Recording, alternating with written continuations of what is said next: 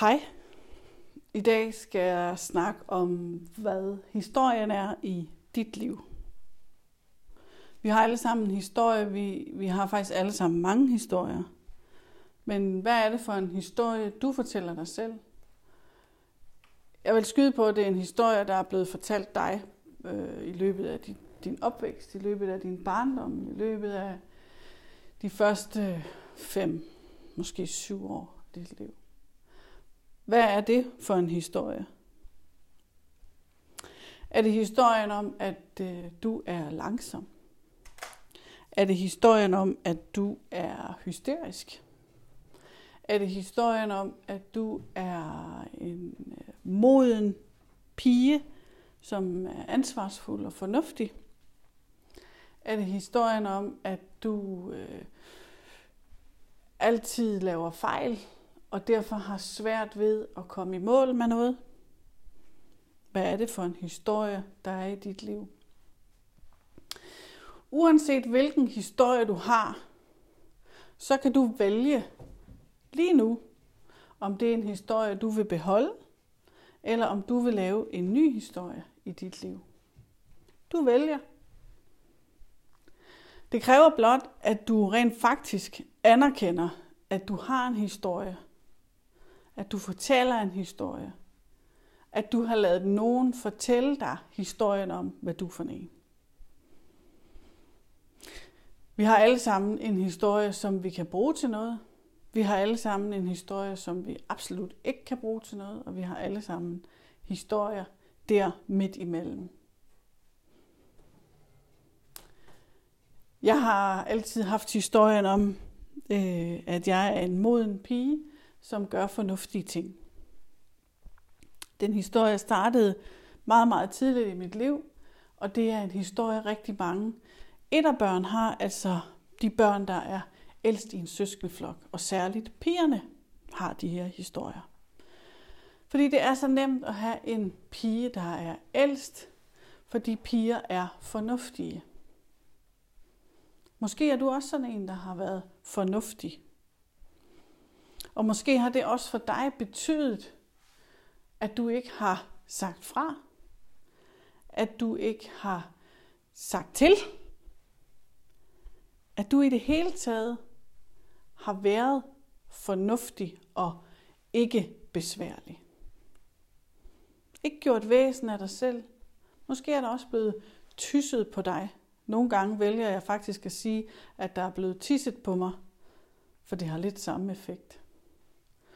Den effekt, det har haft for mig, det er, at jeg faktisk har haft så meget indebrændt vrede, fordi vrede er jo ikke farlig. Vrede er først farligt, når det bliver ophobet og indbrændt.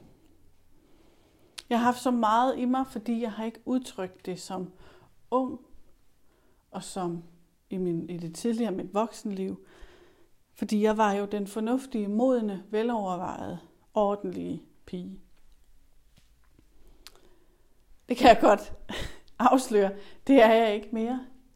Det gav også udslag i, at jeg faktisk blev det modsatte i nogle år. Og det har faktisk betydet rigtig meget for mit liv, at jeg har, for at sige det som det er, fucket så meget op, at jeg har haft et efterslæb på mange måder, da jeg fandt ud af at finde balancen. Men hvad er det for en historie, der er i dit liv? Og så til det allermest interessante, hvad er det for en historie, du gerne vil have i dit liv? Hvad er det for en historie, du vil fortælle dig selv herfra? Hvad er det for en historie, du vil fortælle om dig selv til din omverden herfra? Når du først har fundet ud af, hvad der er din historie, så lad den ligge. Jeg anbefaler ikke, at man roder rundt i, hvem har lagt den der, hvorfor gjorde de det, hvad var deres motiv, og det var også træls og så videre. Find ud af, hvad det er for en historie, du har. Anerkend, du har den. Accepter, du har den. Vælg en anden. Så simpelt kan det siges, og så svært er det. Alene det at erkende og anerkende, det er min historie. Der er nogen, der har lavet den her historie, og jeg har vedligeholdt den. Det er, kan være virkelig ubehageligt. Men det er første skridt, og det er et virkelig, virkelig vigtigt skridt. Det næste er accepten af, at det er en del af dig. At det rent faktisk bare er en historie. Det er en historie. Du kan fortælle en anden historie. Det er ikke et uigenkaldeligt fakta. Det er en historie. Og som du ved, når du fortæller børn historier, så er det bare en historie. Du bare vælger at fortælle en anden.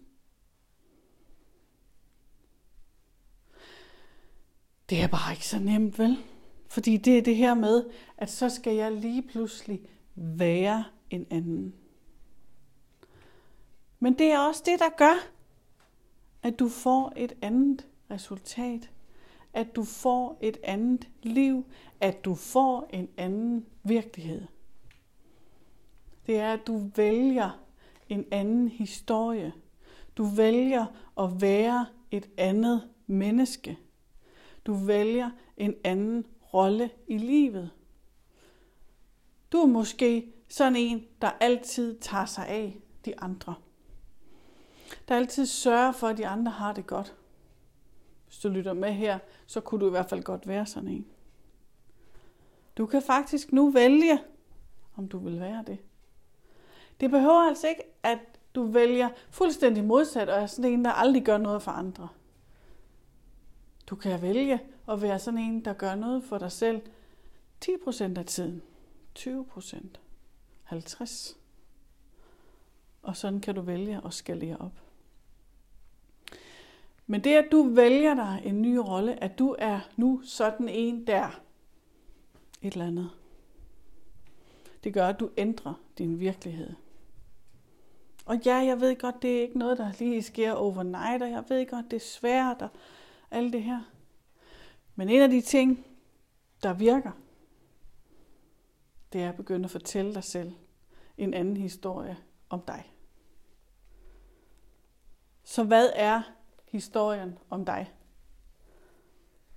Og hvad skal historien om dig være herfra og fremover?